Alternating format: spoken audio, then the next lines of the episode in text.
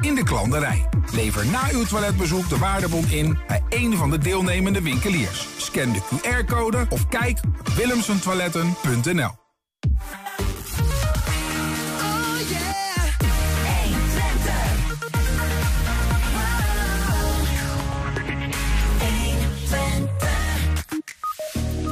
Vrijdag werd het boek Landgoederen van Textiel gepresenteerd. Een weerslag van uitgebreid onderzoek naar de landgoederen rondom Enschede. Aangekocht en ontwikkeld in de loop van de nou ja, 18e, 19e, 20e eeuw. Door, eh, nou, vooral 19e en 20e. Door de grote textielfabrikanten uit die tijd. De speciale visite gisteren op de kinderafdeling van het MST. Vijf FC Twente-spelers en kidsclub mascotte Rossi verblijden de kinderen daar met een bezoekje. Treinen die niet rijden door dassen. Dat hoorde je de afgelopen periode nog wel eens voorbij komen. Nu zou je kunnen zeggen, nou ja, haal ze dan gewoon weg. Maar dat is alleen niet zo gemakkelijk. Bestuursrechtadvocaat Brand Peters die legt uit waarom. In Adorp, dat is naast Almelo, wordt vandaag een vernieuwd bevrijdingsmonument onthuld. En dat op hun eigen bevrijdingsdag. Het is woensdag 5 april. Dit is 120 vandaag. 120. 120 vandaag. In de hoogtijdagen van de Twentse textielindustrie tussen 1880 en 1930 legden fabrikanten allerlei landgoederen aan die we vandaag nog steeds kunnen zien en kunnen gebruiken. Die aanleg is alweer even geleden, terwijl het eh, klimaat verandert. Landschap Overijssel, die negen van dat soort landgoederen rondom Enschede in bezit heeft, stelde zich daarom een vraag. Hoe kunnen we ze zo beheren dat ze klaar zijn voor de toekomst, maar ook zodanig dat ze recht doen en blijven doen aan het oorspronkelijke ontwerpidee? Het driejarig onderzoek leverde een 190 pagina's tellend boek op, getiteld Landgoederen van Textiel. En het project werd geleid door erfgoedspecialist Martijn Horst. Martijn, goedemiddag. Goedemiddag. Klopt dat een beetje? Was dat, was dat de vraag uh, waar, uh, waarmee jullie eigenlijk dit onderzoek ingingen? Van ja, hoe, hoe moeten we het nou uh, beheren zodat het recht blijft doen aan waar het vandaan kwam? Ja, dat klopt wel als je het zo stelt. Want Waar wij tegenaan liepen uh, was dat wij uh, sommige landgoederen al wel 30, 40 jaar in bezit hebben. Maar tegelijkertijd uh, snappen we niet altijd precies waar we naar kijken als we het over het landschapspark hebben. We hebben natuurlijk nou, vanuit onze historie heel vaak ecologisch beheerd. maar als je met een cultuurhistorische bril gaat kijken, dan zit er een veel grotere verfijning in dan dat je in eerste instantie denkt. Mm -hmm. nou, dat is wel mooi om uit te zoeken en om achter te komen hoe zit het dan precies in elkaar. Moet ik me dan zo voorstellen dat je zegt: oké, er was oorspronkelijk een idee. En dat idee is misschien ook al langzaam verdwenen, omdat we niet altijd met die cultuurhistorische bril hebben gekeken. Um, dus we gaan het ook weer herstellen. We willen het eigenlijk ook weer herstellen zoals het ooit is aangelegd. Of is het puur van hoe zorgen we nou dat wat we nu hebben, dat dat blijft bestaan op die manier? Nee, beide zit erin. Dus uh, we kijken echt met die cultuurhistorische bril om te herstellen. Maar tegelijkertijd zie je wel dat uh, waar de textielfabrikanten vroeger vaak echt naar hun landschapspark keken, uh, hebben wij veel meer opgaven in het gebied. Hè? Wij hebben bijvoorbeeld recreatie en toerisme, wat op sommige landgoederen zoals Smalenbroek, Strooienk en het Spik uh, heel veel is. Of Espelo, idem dito. Daar Mhm. komen honderden duizenden mensen per jaar. Dus daar zul je toch net iets anders mee om moeten gaan dan een textielfabrikant Ja, eh, ja, kon doen terwijl hij geen bezoekers had. ja. En, en de bomen zijn oud geworden. En dat betekent ecologisch gezien ook iets. Dus eh, vleermuizen, eh, maar ook eh, spechten, uilen. die, die komen ook veelvuldig voor. zijn beschermde soorten vaak. Dus daar moeten we ook op een iets andere manier mee omgaan. Dus het is aan de ene kant gewoon pure veroudering, hè, simpelweg. En aan de andere kant ook de, de blik naar de toekomst van het klimaat verandert. Dat horen we, hè, het wordt droger. Dat zien we ook bijna om ons heen al gebeuren. Eh, hoe eh, lossen we het nou zo op dat we recht blijven doen aan nou ja, dat oorspronkelijk ontwerp? Dat is ongeveer het idee, denk ik dan, in grote lijnen. We gaan zo meteen wat, wat dieper induiken over hoe zijn jullie dan eh, te werk gegaan om nou ja, erachter te komen eigenlijk van wat was dan eigenlijk het oorspronkelijke idee waaraan we recht willen blijven doen. Maar uiteindelijk, Martijn, hebben jullie dat, ehm, dat hele onderzoek eh, en de uitkomst daarvan in een boek verwerkt. eh, 190 pagina's dik. Waar- waarom eigenlijk? Want in principe is dat toch vooral voor jullie als landschapsbeheerder uiteindelijk van belang, lijkt mij. Ja, dat klopt. Eh, tegelijkertijd willen wij heel graag, zeg maar, niet als een broedkip op onze kennis gaan zitten. Maar we zien met name rondom Enschede dat er heel veel mensen geïnteresseerd zijn in de geschiedenis van die landgoederen. Nou, dit is een mooie aanleiding met alles wat we hebben opgegraven om, om dat eens te laten zien. En we willen een handreiking doen. Want wat we ook tevens zien is, als je het hebt over klimaat, je hebt het over verdroging, je hebt het over het ondergrondse watersysteem, maar ook over biodiversiteit. Ja, dan moet je dat niet alleen als eilandjes behandelen. Hè? Onze landgoederen zijn nu eigenlijk eilandjes en zo behandelen we ze vaak ook. Uh, maar als je zulke grote problematieken op wilt pakken, net als recreatie en toerisme, ja, dan moet je breder gaan kijken. Dan moet je eigenlijk nadenken met je buren, met je, met, nou ja, we hebben ook heel veel landgoedeigenaren als buren, logischerwijs. Kunnen we die dingen samen gaan doen? Ja, ja. Daar hebben we ook een voorzet voor gegeven. Een handreiking eigenlijk naar onze buren en naar de gemeente van denk met ons mee. Misschien kunnen wij samen dingen op gaan pakken. Dat, dat is goed om te noemen. Hè. We, we hebben het over uh, landgoederen dus hè, aangekocht, aangelegd door textielfabrikanten in die tijd, uh, nou ja, 1880, 1930. Maar dat, dat gaat over een, groot gebied in Twente, uh, waar jullie er negen landgoederen nu van in eigen bezit en in beheer hebben. Maar er zijn er nog meer en die zijn gewoon nog in bezit of van de textielfamilie zelf of van andere partijen. Ja, dat klopt. Ja. Dat is heel wisselend um, wie tegenwoordig het, het eigendom heeft.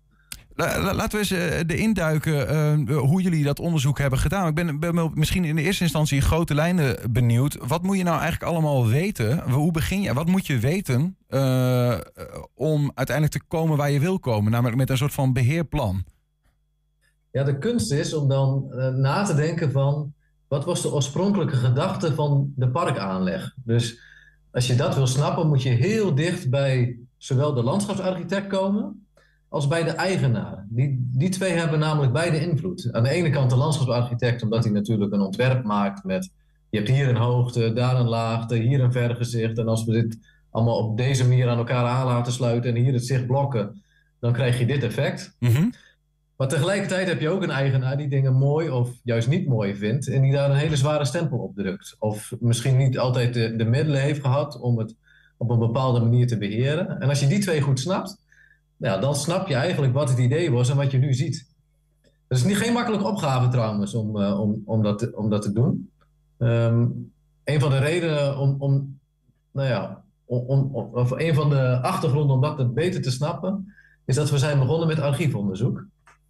Uh, en dat kan tegenwoordig heel goed. Uh, bij Enschede heb je in Huis Zonnebeek heb je tegenwoordig het archief Twentse textielfamilies. Een ongelofelijke nieuwe bron aan informatie waar heel veel uh, bij elkaar is gezet. Komt van allerlei zolders komt het af en daar wordt het toegankelijk. Uh, maar je moet dan ook denken aan het uh, provinciale archief in Zwolle en zelfs ook het nationaal archief, ja. wat in Den Haag ligt. Ja. Wat eigenlijk oh, ergens verbaasde me ook wel dat je zeg maar uh, dat die dingen dus niet uh, in bezit zijn van de, van de beheerder of zo. Of is dat, is dat een gekke verbazing? Hè? Dat, je, nee, dat je eigenlijk nee, op zoek moet naar van ja, waar komt eigenlijk ons park vandaan en de inrichting daarvan? Ja, Nee, dat is niet zo'n hele gekke verbazing. Uh, heel vaak zie je bij, uh, bij landgoederen, met name wat oudere landgoederen ook, dat het, uh, dat het huisarchief niet is overgeleverd. Of zo noemen we dat dan, het huisarchief. dus dat ligt vaak ergens anders, of is inmiddels weggegooid, of is een keer bij een brand verloren gegaan, of is verdeeld onder de erven. Dus je kunt je voorstellen, in 150 jaar geschiedenis gebeurt er heel veel met papieren. Ja. Waterschade. dus je moet in heel veel gevallen reconstrueren uh, waar zijn al die papieren gebleven en hoe zit het nou in elkaar. Jullie hebben uh, dus onderzoek gedaan, in de archieven gedoken, kaartmateriaal, luchtfoto's, dat soort dingen. Heb je daar een voorbeeld van wat je kunt, uh, kunt laten zien eventueel? Ja, ik, hoe, luchtfoto's uit die tijd lijken me ook vrij schaars, eerlijk gezegd. Vanaf de jaren 30 komt het opzetten. Ja, dus vanaf ja. de jaren 30 hebben wij landsdekkende luchtfoto's die voor iedereen toegankelijk zijn. Um, en de eerlijkheid gebied te zeggen, uh, je kunt natuurlijk ook met oude kaarten werken. Maar die kaarten, oude kaarten zijn ook maar een interpretatie van uh, de cartograaf met wat hij op luchtfoto's in het veld ziet. Dus ja. wil je heel dicht bij het ontwerp komen, dan is een luchtfoto fijner.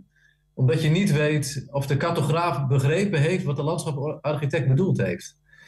Dat klinkt misschien een beetje cryptisch, maar als die niet snapt wat er bedoeld is, dan zet hij dat niet op de kaart en kunnen wij dat niet lezen. Ja, dus daar ja. kun je beter. Je wil, zelf, je wil zelf naar het bronmateriaal kijken om te zien van heeft die cartograaf dat wel goed begrepen. Um, ja, ja, ik, ik weet niet hè Martijn, maar ik weet dat je een presentatie hebt waarin wat, wat dingen in beeld zijn. Kunnen we zo'n zo'n zo'n kaart of zo'n luchtfoto even ter duiding van een bepaald landgoed in, in Twente, kunnen we dat zien om daar een beeld van te krijgen?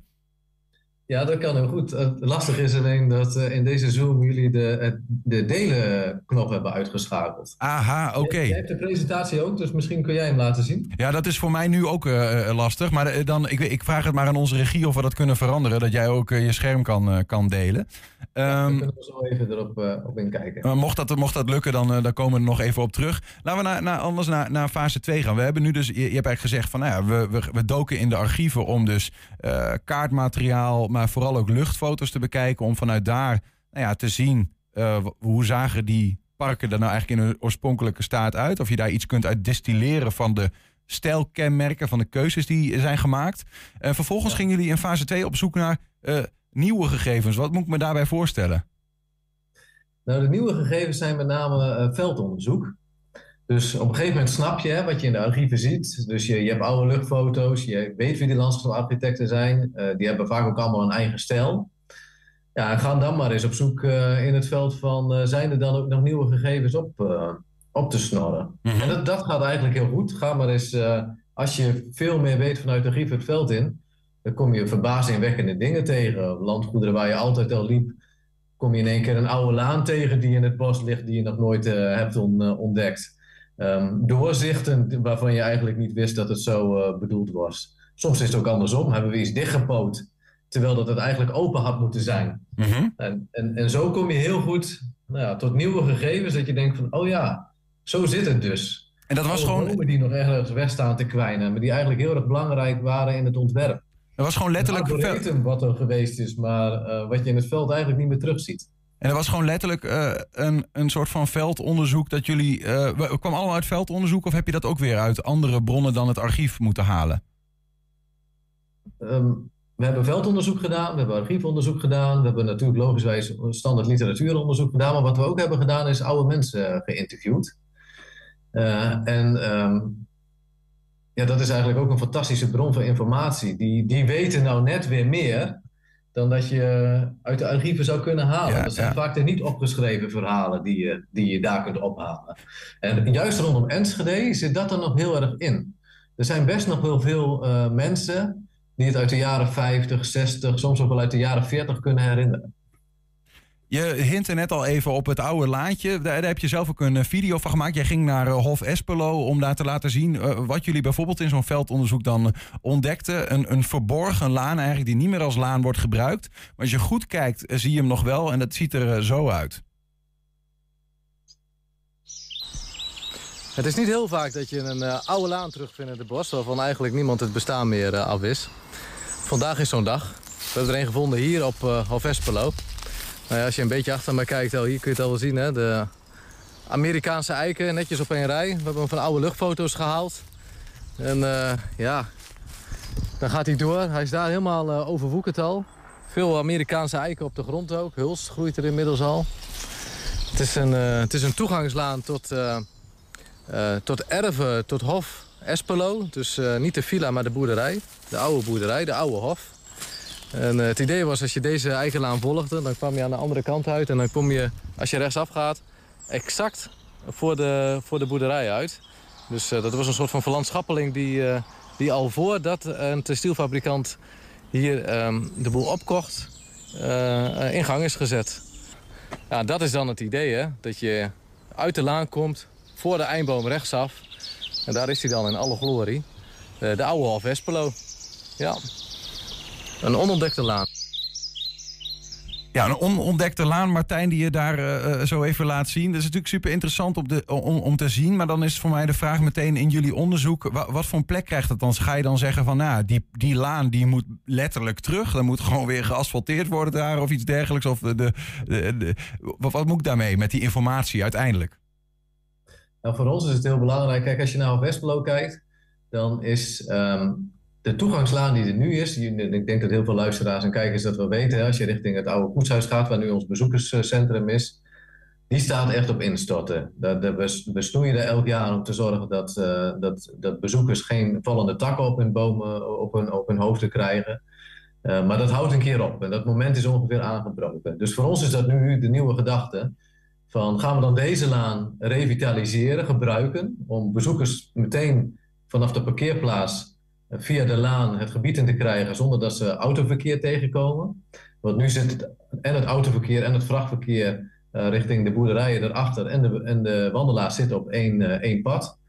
Ehm, of zeggen we nee, we gaan het op een andere manier oplossen. Mhm. en ja, dit soort dingen helpen daarbij. Van, en of we deze helemaal terug gaan brengen, weet ik niet. Maar het geeft ons wel veel meer perspectief dat we zeggen: oh ja, we hoeven niet alleen de, de drukke laan die er nu is te gebruiken, maar we kunnen ook wandelaars aan de andere kant op leiden.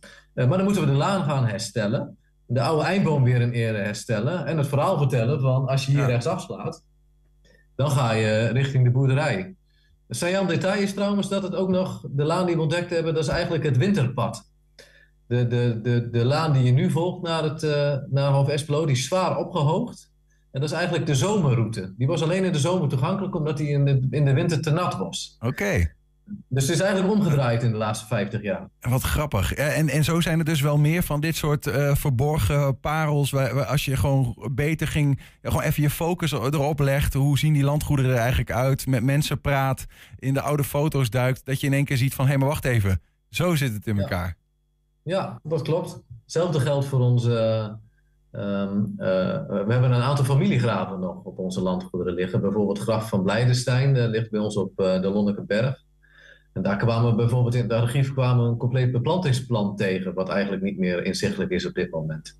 en daar konden dan familieleden van Blijdenstein konden daar dan een boom aanplanten. En die, was dan, en konden kiezen uit tien verschillende boomsoorten. En dat zie je nu nog steeds een beetje terug. Ehm, en we vroegen ons altijd af hoe heeft dat er precies uitgezien, los van het beplantingsplan. En toen vonden we bijvoorbeeld via Marktplaats notabene een oude ansichtkaart waar het graf van Blijdenstein op staat. Die is, die is blijkbaar uitgegeven ergens in de jaren 20 van de vorige eeuw. Ja. Niet, niet veel exemplaren van bekend. En daar stond dat op, zo hoe het eruit zag. Daar stond hij op, ja, met hekwerk en alles. En met de buxus die er nu nog staat. dat is ja. fantastisch om te zien. Dus dan snap je in één keer, oh, dat is er bedoeld destijds. Ja, ja oké, dus we hebben nu eh, fase 1, eh, archief, eh, luchtfoto's, kaarten om het te begrijpen. Fase 2 kunnen we nog andere dingen ontdekken die we niet in die archieven hebben gevonden. Met mensen praten, zelf de, letterlijk de bossen en de parken ingaan. Uh, nou ja, daar kom je, kom je heel veel dingen tegen. En dan ga je naar fase 3 en dan gaan jullie daar een historische gedachtengoedkaart van maken. Wat, wat is dat? Ik kan inmiddels mijn scherm delen, dus Kijk. misschien wel leuk om er eentje te zien. Ja. Jullie zien het scherm Ik zie, je, ik zie het scherm, ja, ja zeker. Ja.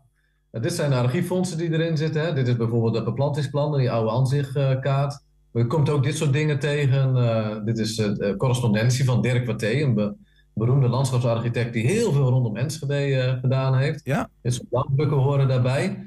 En, en dit is eigenlijk het opstapje naar de gedachtegoedtekening en de kaarten die we hebben gemaakt. Wat je hier ziet is, zo schetste zij destijds met een soort van chemische eh, blauwe achtergrond. eh, hoe zij dachten dat het park eruit zou moeten zien. Je ziet hele zwierige lijnen die erin zitten. Vaak werd dat niet zo uitgevoerd. Eh, maar wat wij gedacht hebben op een gegeven moment is... we hebben hoe het is uitgevoerd. Vaak zijn die tekeningen zijn er niet meer. Er zijn er nog maar vier bekend. eh, rondom Enschede van, van Pieter Watté. Misschien moeten we zelf gaan tekenen wat wij zien en wat wij denken wat het gedachtegoed was. Ja, Dat zie je hier zo. Dit is bijvoorbeeld het Holthuis. Dat is van Ledenboer geweest. Het is vrij onbekend landgoed. Het is, eh, ik zou bijna zeggen, het, is daar fantastisch. Ga er echt eens wandelen als luisteraar. Eh, dus er komen veel te, veel te weinig mensen wat mij eh, betreft voor dat, mooie, voor dat mooie landgoed wat er ligt. En hier zijn we gaan tekenen met waar lagen dubbele lanen, hoe zat die slingerlaan in elkaar, wat waren de zichten.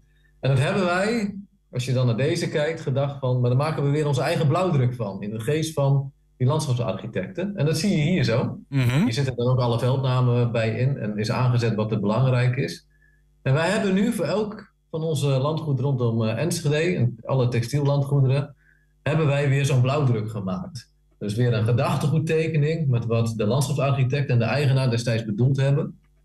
En op die manier kunnen wij heel makkelijk schakelen tussen eh, wat is er belangrijk, wat is er niet belangrijk, wat komt er uit de periode voordat de landschapsarchitect kwam Ehm, en eh, wat heeft hij juist aangelegd. Ja. Eh, dus nou ja, zo geeft het ons heel veel inzicht. En kunnen we tevens nadenken, ehm, wat is er qua vitaliteit nog goed en wat is er qua vitaliteit bijvoorbeeld juist heel erg matig.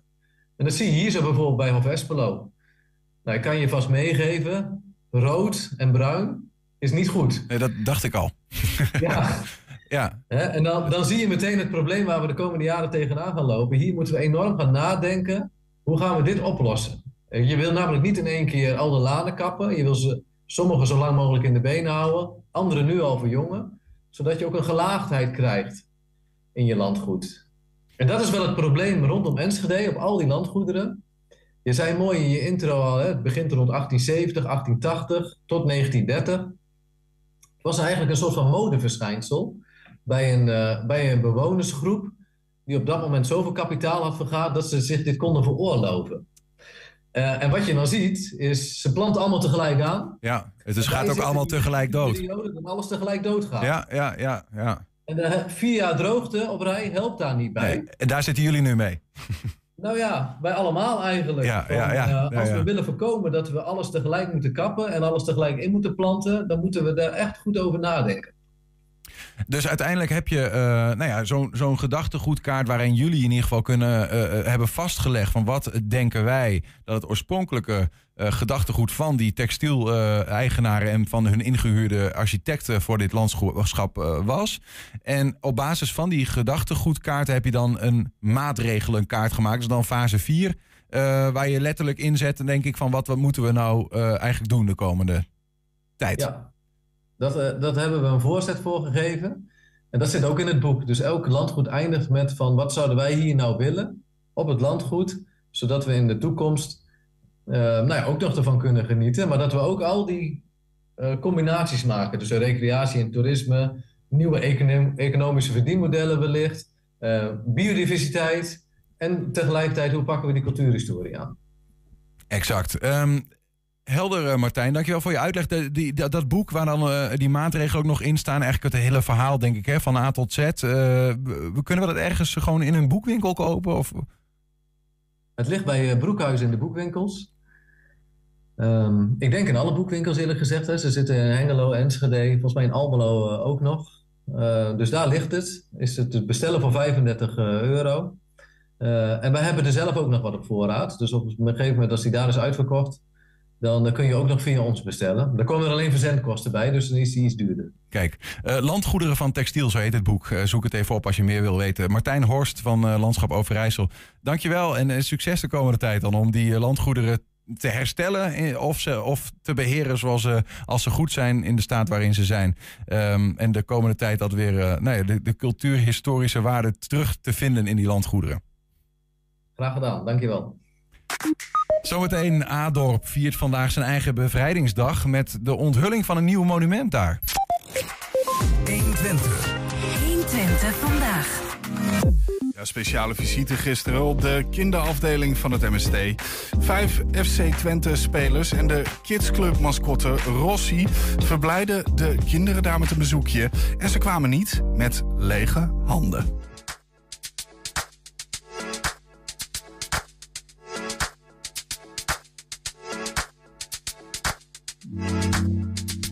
Spelers die, eh, die kwamen hier op bezoek. Er waren een heel aantal kinderen in de spelruimte. Daar hebben wij een vragenronde mee gedaan. Om de spelers natuurlijk goed te leren kennen. Stel dat je geen voetballer zou zijn geworden. Wat zou je dan hebben gedaan voor werk? Mijn ouders zeggen altijd tegen mij dat ik wel een type ben voor politie of recherche. Dat ik eh, dat, ik dat eh, wel leuk vind. Niet hier echt in de buurt, maar liever dan in, in Amsterdam en zo... waar je echt criminelen kan oppakken. Dat lijkt me wel, dat lijkt me wel leuk. Hoe bereid je je voor op een wedstrijd? Nou, dat is voor mij al een tijdje geleden. Maar Dat is niet de eerste keer voor jou eh, dat je bij dit eh, bezoekje eh, bent. Ja, dus kan ik vragen van wat, wat dat met jou doet. Maar ja, je hebt daar vast een gevoel bij na al die jaren. ja, en het enige verschil is nu dat ik zelf ook vader ben geworden. Dus dan komt het soms nog iets meer binnen dan, dan misschien in het verleden. Maar ja, het is altijd heel confronterend en tegelijkertijd heel dankbaar om te doen. Dus altijd een beetje dubbel, maar achteraf altijd heel blij om, om een glimlach te kunnen toveren op de kinderen gezichten.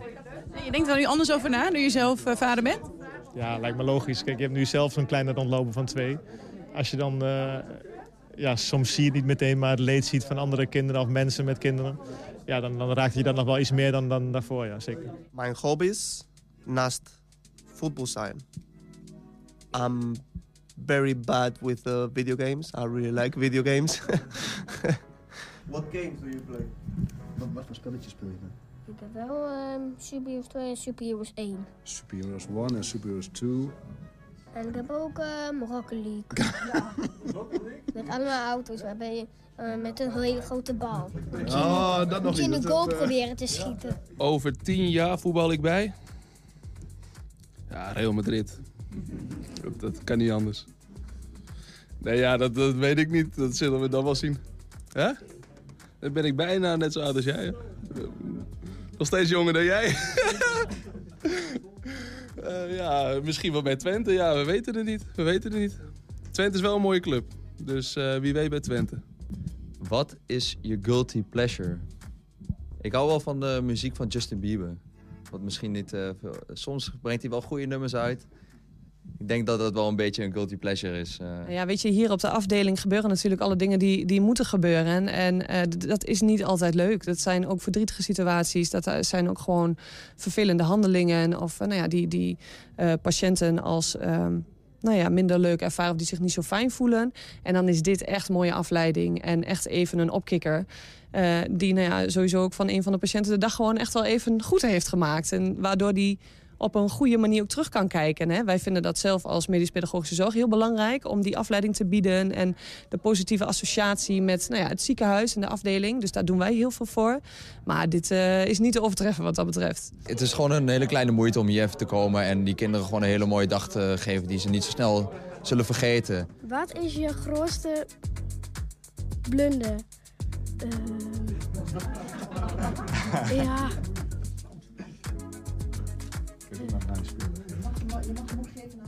Dan doe ik dat wel. Ja. Wout. Mijn grootste blunder. Ik heb ehm, ooit een rode kaart gehaald in Australië. En dat was wel een... eh, vond ik zelf wel een grote blunder. Ik was niet zo netjes van mezelf. Ik heb me daar een beetje laten gaan. Ik heb iemand een hele harde trap gegeven. ik was een beetje gefrustreerd. Zo, hoe vond je dat dat de spelers van Twente vandaag eh, op bezoek waren? Ja, leuk. Dat eh, is niet elke dag zo. Zit er een van je favorieten bij ook? Ja, de keeper. Eh, het grootste droom is dan eh, ja, dat gewoon mijn hele gezin, mijn familie, dat ze wel gewoon eh, gezond eh, zijn. Eh, we mooi samen kunnen leven en eh, ja, we gewoon een eh goede leven hebben. Ja, we hebben echt een hele lading aan ballen gekregen. Dus eh, nou ja, weet je, alle kinderen die eh, de komende tijd hier op de afdeling liggen... die eh, kunnen een bal verwachten, want die gaan we natuurlijk uitdelen. Dus dat komt goed terecht. Zo, hoe had je geheten als je een meisje was? Ehm, toevallig weet ik dit wel. Eh, Het is wel een beetje een rare naam. Maar mijn ouders hebben me ooit verteld dat ik eh Miklin zou heten. Een hele bijzondere naam is dat, maar... Gelukkig ben ik geen meisje. Het is eh, gewoon makkelijk voor ons. Even hier langs en eh, iedereen is blij. En eh, dat vind ik, moeten we ook doen. Dat, dat hoort erbij bij het voetballerij. Bij, als, als je mensen, kinderen zo makkelijk kan blij maken, dan moet je het gewoon doen. Hoeveel zij hier aan hebben, dat is, dat is onbeschrijfelijk. Dus ja, dat is een kleine moeite. En is ook heel leuk om een gelach op hun gezicht eh, te toveren. Er is dus wel echt een beetje FC Twente fans, supporters bij hier. Ja, zeker weten. Ja, nou, er was er één die wist er heel veel van. Eh Wout Brama zei zelfs, eh, er zijn er een paar die weten meer dan dat ik ervan weet. Dus eh, nee, die eh, was wel diehard fan. Treinen, treinen die niet rijden door dassen, dat hoor je de afgelopen periode nog wel eens voorbij komen. Nu zou je kunnen zeggen, dan haal je ze toch weg. Maar zo makkelijk is dat niet. Daarover hoor je straks meer van Damste advocaat Brand Peters. 120. 120 vandaag. Vandaag, 78 jaar geleden, werd Almelo bevrijd door de Canadezen. Aan het einde van de bruglaan in Adorp staat een Canadese S-doorn als herinnering aan eh, de oorlog. De werkgroep 4 mei Adorp wilde dat monument meer uitstraling geven. Het Buxus heggetje ging weg en daarvoor in de plaats zie je nu een ovaalvormig gebogen g- roestvrij, eh, roestvrij stalen plaat. Met aan de binnenkant foto's van eh, zwart geblakerde boerderijen. Het nieuwe monument werd een half uur geleden, nou een uur geleden ongeveer, onthuld. We praten daarover met eh, Henk Bos van de werkgroep. Henk, goedemiddag. Goedemiddag. Eh, We kunnen wat beelden zien van, eh, van die onthulling die daar eh, ongeveer plaatsvond om half vier, geloof ik. Hè? Wat gebeurde Ja, er precies? Hoe ging het in zijn werk? Nou, de, de wethouder en een bewoner uit Aandorp van 86 jaar, die dus de oorlog meegemaakt heeft, hebben samen met twee schoolkinderen de vlaggen opgetild die over het monument lagen. Er was een Canadese vlag en een Nederlandse vlag. Die hebben ze opgetild en die zijn op de hekken achter het, eh, achter het monument. Dat, dat, dat zijn de hekken die horen bij Van Merkstein. Hebben ze die vlaggen gehangen. Ja, het was een prachtige bijeenkomst. We hadden ook eh, onze Almeloze singer-songwriter Peter Schoof. En die had dus op ons verzoek twee liedjes gemaakt. Het eerste liedje dat heette Morrison en dat ging over een Canadese soldaat die geland was in Normandië. Dan de tocht naar, eh, ja, tot Almelo eh, doormaakt en dan in Almelo om het leven komt. En ja, dat is indrukwekkend hè, als je dan eh, je realiseert hoeveel jonge mensen, jonge kerels van amper 20 jaar zich opgeofferd hebben om ons te bevrijden. Ja, dat was echt een indrukwekkend monument. eh, moment ook om te zien aan de, aan de toeschouwers die er waren. Wat, wat, wat waren dat voor toeschouwers daar eh, ongeveer een uur geleden? Wie, wie waren erbij?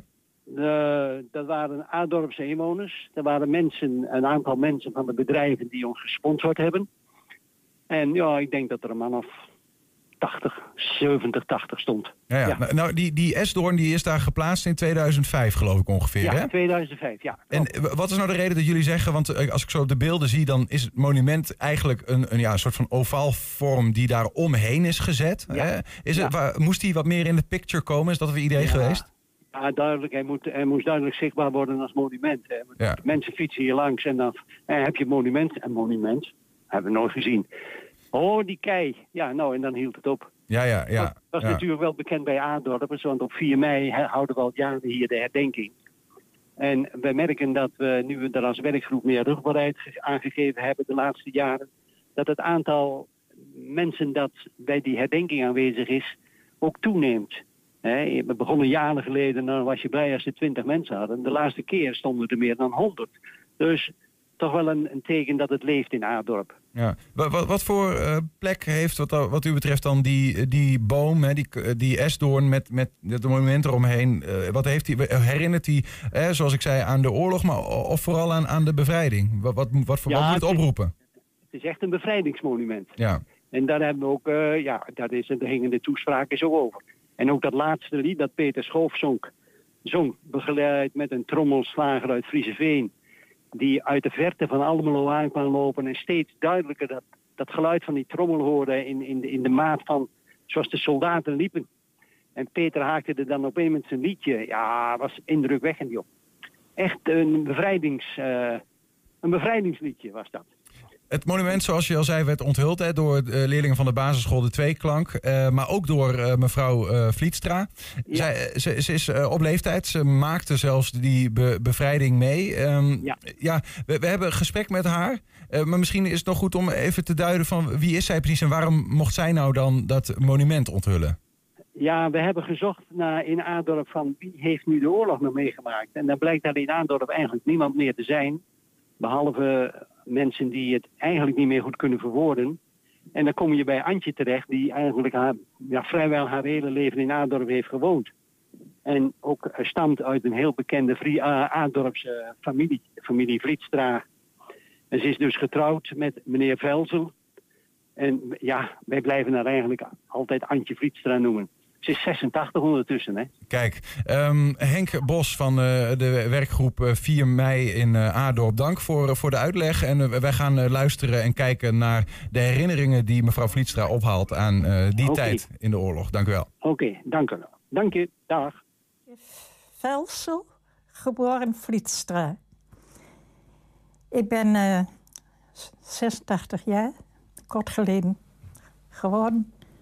En eh, ik was dus nog maar drie toen de oorlog eh, begon. Dus ik kan me niet zo heel veel herinneren daarvan. Alleen eh, dat die vliegtuigen steeds maar weer over het dorp heen vlogen. En ja, en dat was eh, ergens vond je dat misschien als kind ook wel wat spannend, maar toch ook wel angstig eigenlijk. Hè? En ja. Maar verder, wij hadden het. eh, wij, wij vernamen er niet veel van, van de oorlog. Wij hadden geen honger. Mijn, vader die had een, eh, een grote tuin. We hadden een grote tuin bij huis. En hij had nog een grote het stuk wat hij huurde. En dan verbouwde hij alles op. Op uh, groenten en aardappelen en noem maar op. Maar toen hadden wij ook een heleboel familie in Enschede wonen. Die kwam dan iedere keer, tenminste, dat dachten wij dat dat familie was. We hadden wel familie in Enschede, maar er kwamen ook mensen die zeiden dat ze familie waren. En uh, nou ja, en die ging dan altijd met tassen vol terug weer naar, huis. Toen, uh, in die, uh, toen het eten schaars werd, ja. Nee, echt, echt iets gemerkt van de oorlog. Nou, net dat laatste, dat die boerderijen daar in de brand vlogen, dat uh, was wel even heftig. Ja. Uh. Ja, en toen was de oorlog afgelopen. Een bevrijding, feest natuurlijk op van school. En dan zag je die die, nou ja, eh, meisjes die met de, met de Duitsers optrokken, die, die zag je voorbij komen. Toen ik zes was, moest ik naar school, maar de school die was uh, bezet ook. En wij kregen als de lagere klassen kregen les bij onze buren. En de hogere klassen, waar mijn zusters uh, naartoe gingen... die kregen les bij meester Koning in, in huis. Nee, gewoon als klas wel, hè. Maar dan, uh, omdat wij niet in de school uh, terechtkomen... Ja, toen hebben we dan in, in, in de huizen les gekregen. Wel van, de, van, de, van de onderwijzers. Want meester Koning die gaf dan les. En dan juffrouw Gunter was er toen nog. Ja, ja, ik, ik, ik, dat weet ik dus niet, dat monument. Ik heb dat eigenlijk nog nooit zo echt nee, gezien. Omdat ik kwam daar nooit. Daar, helemaal achter aan de, aan. Omdat ik dus, de, zegt, zegt men, de oudste, nog levende ben van voor de oorlog. 86. Ik kan me niet indenken hoor. nee. Maar ja, ja, ze zei, maar ik zei het ook tegen mijn kinderen. Oh mama, maar, dat is toch een eer? Ik zeg, ja. nee, maar ik... Uh, ik sta niet, niet graag in de belangstelling. Nou, ik heb uh, geen, geen, geen nare herinnering aan de oorlog. Nee. We zijn ook als podcast uh, luisteren via alle bekende platforms. Je vindt daar hele uitzendingen, 120 vandaag en een item uitgelicht op 120 vandaag uitgelicht. 120. 120 vandaag. Minstens een week geen treinen tussen Workum en Stavoren vanwege dassen. Dat kopt de NOS midden maart. Zeker tot dinsdag geen treinen tussen Den Bosch en Eindhoven door Dassen, volgt een ruime week later. En de dag erna meldt ProRail dat er niet alleen op deze twee, maar op 40 plekken langs het Nederlandse spoor dassen zitten. Door hun holen kan het spoor verzakken. En je zou zeggen, nou, haal ze daar dan weg en de treinen kunnen weer rijden. Maar zo simpel is het niet. Bestuursrechtadvocaat Brand Peters die legt uit hoe dierbescherming ons leven beïnvloedt. Rechtspraak met Damstee Advocaten. Brand, welkom. Dankjewel. Een, een dier dat het uh, treinverkeer dagenlang uh, eigenlijk uh, de das omdoet, zou ik ja. bijna zeggen. ja, sorry, heel slecht. Het is wel simpel. Hè? Ja, dit is ook zo. Um, even om een beeld te krijgen, hè, wat, wat, wat doen die dassen dan precies bij die treinsporen? Ja, ik ben natuurlijk geen, geen ecoloog, maar ik duid het juridisch. Alleen wat ik heb gelezen en wat we ook in de praktijk zien, is dat er een das die leeft in een dassenburgt. En daarin uh, worden allerlei uh, gaten en uh, holen gegraven. Ja. En die worden, ehm, ik heb me laten vertellen dat het das graag hoog graaft. Dus niet bij het grondwater. En dan kom je al snel uit onder het spoor. En daardoor kunnen er verzakkingen plaatsvinden. En die moeten dichtgegooid worden. En dat is nog niet zo, eh, niet zo gemakkelijk. Hè? Eh, eh, overigens, ik begreep ook, lees ik even op, hoor, de natuurbeschermingsorganisatie Dassen en Boom. Die zei van ja, wij zagen dit eigenlijk vier jaar geleden al aankomen. Hebben dat ook aangegeven aan de verschillende nou ja, verantwoordelijke organisaties. En zeggen daarbij, Dassen zijn heel honkvast. Ze blijven maar doorgraven en zitten eeuwen op dezelfde plek. Dat vond ik ook wel wat. En, en daarbij zeggen ze zelf ook, je moet niet aan denken dat er een trein ontspoort of een dijk doorbreekt vanwege dit, dit soort graafwerkzaamheden van die beesten. Ehm, want dat komt dan weer op konto van de Dassen, terwijl ze zeggen van ja, goed, die kunnen er ook niet zoveel Niet die- goed voor de reputatie van de das. Precies, die, maar die weten natuurlijk ook niet van... hé, hey, hier een, eh, een trein overheen. Tenminste, dat gok ik dat ze dat niet weten. Ehm eh, nee, nou zou je kunnen zeggen, van, v- verhuis die dassen... eh, en eh, vol, eh, gooi die burchten weer vol... zodat die eh, sporen verstevigen in dit geval. Ja. Ehm, dat, dat kan niet zo makkelijk. Nee, kijk, ehm, het eerste wat ProRail eh, wil natuurlijk is... eh, we, moeten die, eh, we moeten die burg dichtgooien, ook wat jij zegt.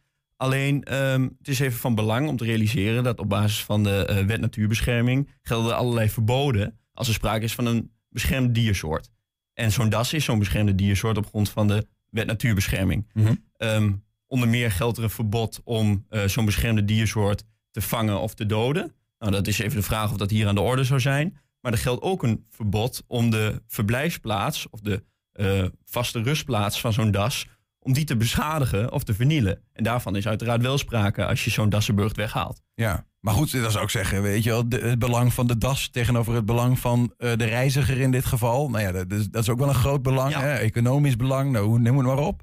Ja, absoluut. Maar dat komt in een later stadium. Oh. Je hebt eerst... Kijk, ProRail die denkt dan op, op zo'n moment... eh, we moeten zo snel mogelijk die, die, die burg dichtgooien. Alleen dan is er een verbod.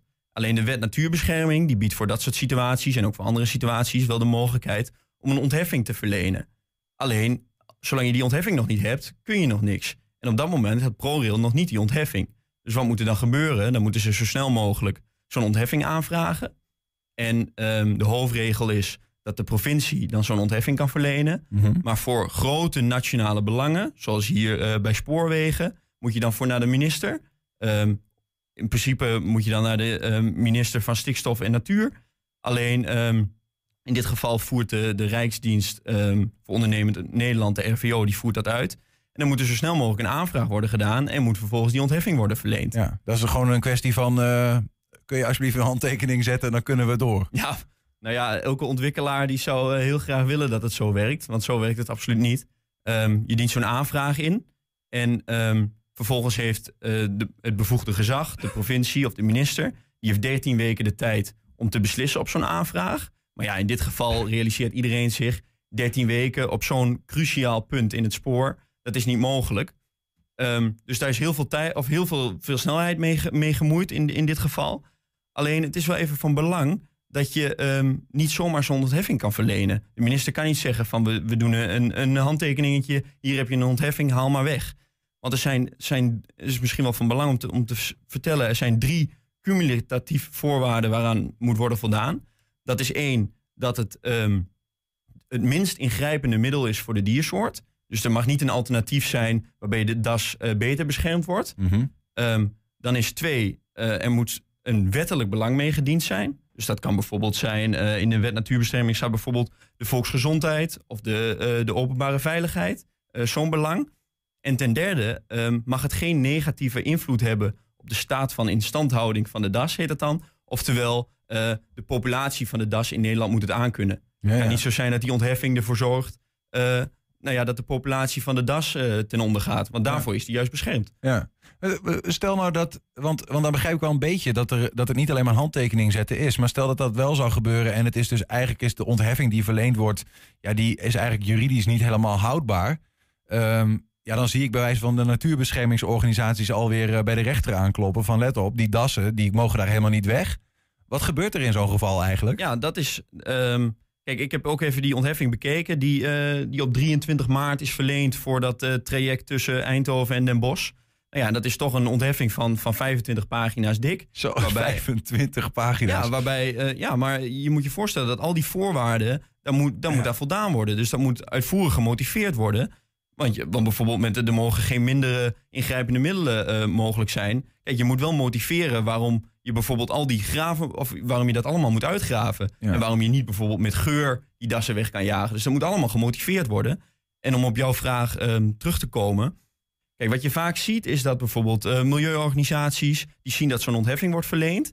En die vragen dan meteen een voorlopige voorziening aan bij de rechter... als ze het daar niet mee eens zijn. Dat is een soort kort geding in het bestuursrecht. Een soort spoedprocedure.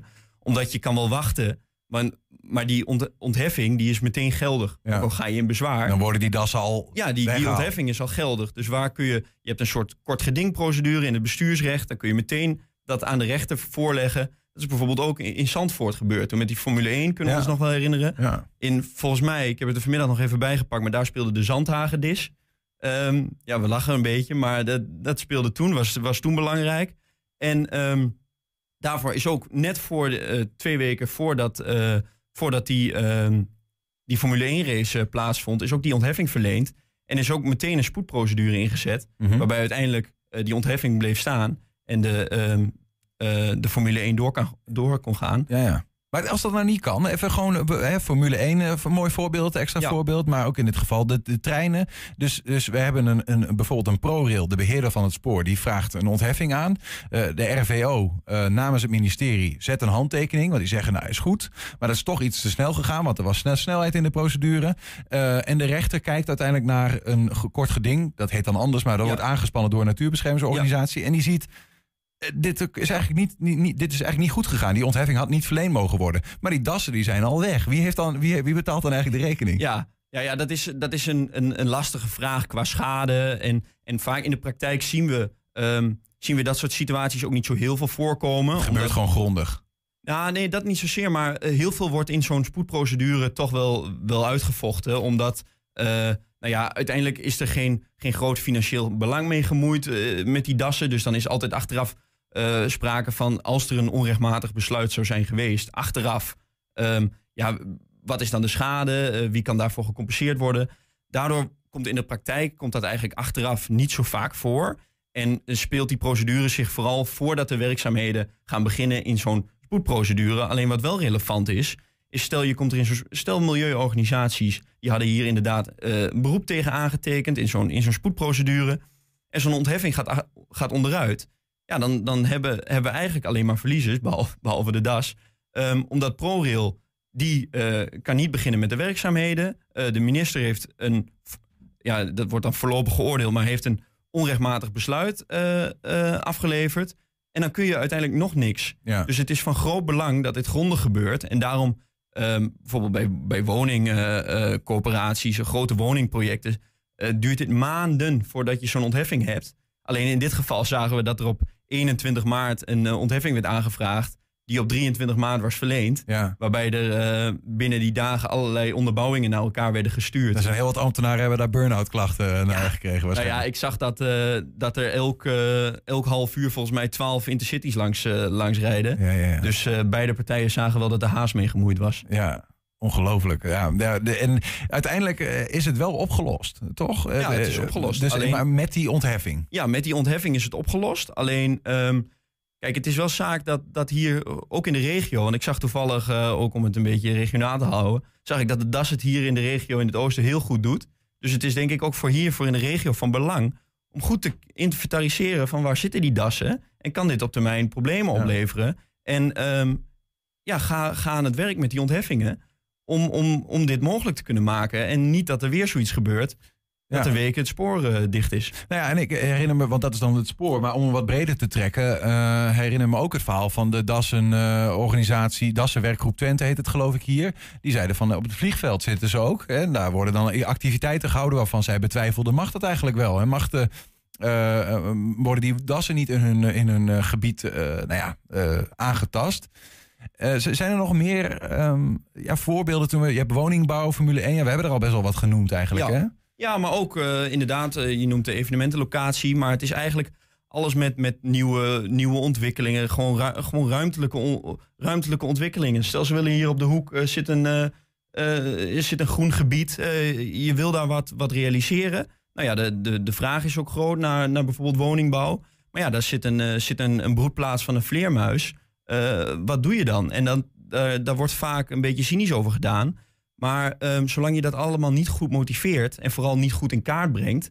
Want eh, het is van groot belang dat je, ehm, dat je ook laat toetsen of die dieren er zijn. Ja. Want als je dat niet laat toetsen en je krijgt vervolgens, ga je beginnen met de werkzaamheden en je hebt nog niet zo'n onherroepelijke vergunning, ja, dan kan het zijn dat zo'n vergunning uiteindelijk onderuit gaat, omdat je niet goed hebt geïnventariseerd wat voor beschermde diersoorten daar eventueel kunnen zitten. Ja, ja, dus dat is echt later van, echt van groot belang. De deksel op je neus eh, in een later stadium wat dat Ja, betreft. ja, absoluut. Ehm, die, die das, eh, en je noemt ook de vleermuis. En zo zullen er ongetwijfeld meer eh, soorten zijn voor wie dat speelt die beschermd zijn. Wie bepaalt eigenlijk welke dieren een beschermde diersoort zijn? Ja, je hebt, ehm, ehm, je hebt de wet natuurbescherming in Nederland. Alleen die wordt eh, voor een deel ingevuld door regels eh, van de Europese Unie. Dus eh, de Europese Unie die kan richtlijnen vaststellen. En die hebben in dit kader, in het kader van beschermde diersoorten, hebben die bijvoorbeeld de vogelrichtlijn eh, ehm, vastgesteld. Dat is de richtlijn die alle vogels op het grondgebied van de Europese Unie beschermt. Dus alle vogels zijn beschermd, dus ook in Nederland. En vervolgens moet de Nederlandse wetgever, die moet zo'n richtlijn implementeren, heet dat dan. Dus, dus doorwerken in Nederlandse wetgeving. En dat belandt dan in de wet natuurbescherming.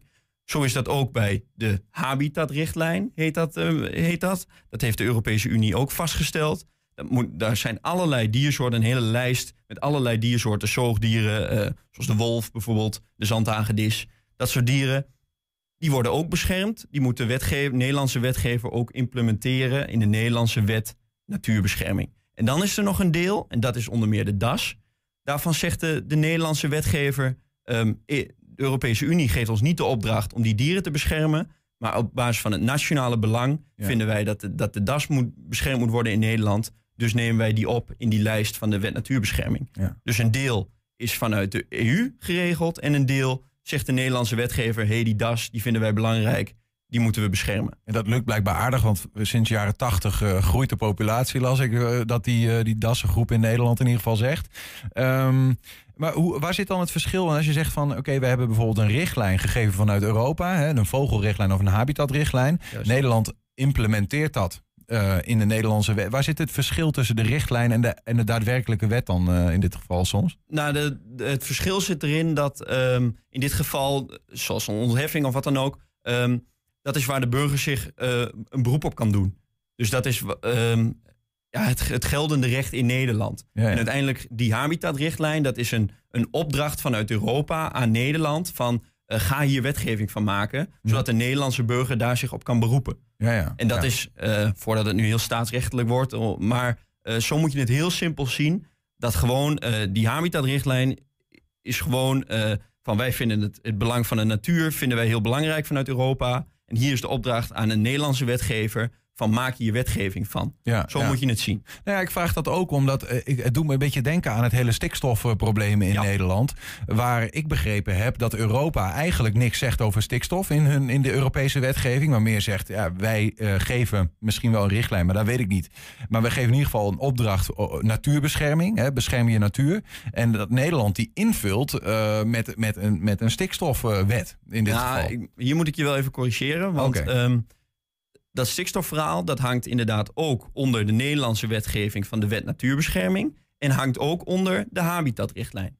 Dus die habitatrichtlijn die geeft, net als wat ik net heb uitgelegd met beschermde diersoorten, ook ten aanzien van stikstof van ehm hey, Nederlandse wetgever. ehm, er mogen geen significante effecten op Natura 2000 gebieden ehm, plaatsvinden bij ontwikkelingen. Dat is wat de, wat de Europese wetgever eh, zegt in die richtlijn. Ehm, leg dat vast in jullie Nederlandse wet, in de Nederlandse wet natuurbescherming. En daaruit volgt, wat nu in de, in, de, in de wet natuurbescherming staat, dat er eh, geen negatieve effecten van een, ontwikkel, van een ruimtelijke ontwikkeling mogen plaatsvinden die, die op een Natura 2000 gebied dan uitstoten en wat dan een negatieve werking heeft. Ja, ja, ja. Dus uiteindelijk is, is die, die regels, die stikstofregels, maar misschien is het interessant om daar nog een keer eh, uitgebreid bij stil te staan hier in, in deze uitzending. Ehm, die stikstofregels die zijn ehm, over het algemeen niets meer dan een uitwerking van wat de EU aan Nederland heeft opgelegd. Ja, ja. Ja, maar dat is natuurlijk dat is zeker interessant, omdat dat een heikel punt is. En omdat de vraag telkens is, eh, als ook politici, ook op een, op een provinciaal niveau, die zeggen dan: ja, eh, partij dit, eh, jullie kunnen dat wel zeggen, maar van Europa moeten wij zus en zo. En anderen zeggen dan: ja, nee, er is wel wat speelruimte als je naar de Europese wetgeving kijkt. Hè. Dus ik ben wel benieuwd. ja, misschien kunnen we het daar een volgende keer over hebben. Hoe werkt dat eigenlijk? Hoe zit in dat geval de Europese wetgeving en de Nederlandse wetgeving daar opgesteld in elkaar? Eh Brand, Peters, dankjewel in ieder geval voor nu eh, voor, de, voor het uitleggen over de, de dassen als voorbeeld dan van hoe eh, dierbescherming ons, ons leven in Nederland beïnvloedt. Dankjewel. Juist. Eh, tot de volgende. En tot zover ook 120 vandaag. Terugkijken, dat kan direct via 120.nl. Vanavond ook op televisie te zien. Dat kan om 8 en 10. Zometeen op de radio Henk Ketting met de kettingreactie. Wij zeggen veel plezier. Tot morgen. 120. Weet wat er speelt in Twente. Met nu het nieuws van 5 uur. Ik ben Ingrid Anne Broers. Goedemiddag. Het CDA wil over een paar maanden opnieuw onderhandelen over de stikstofdoelen. Dat zei fractievoorzitter Heerma in het Kamerdebat. De oppositie is verontwaardigd. De SP zegt dat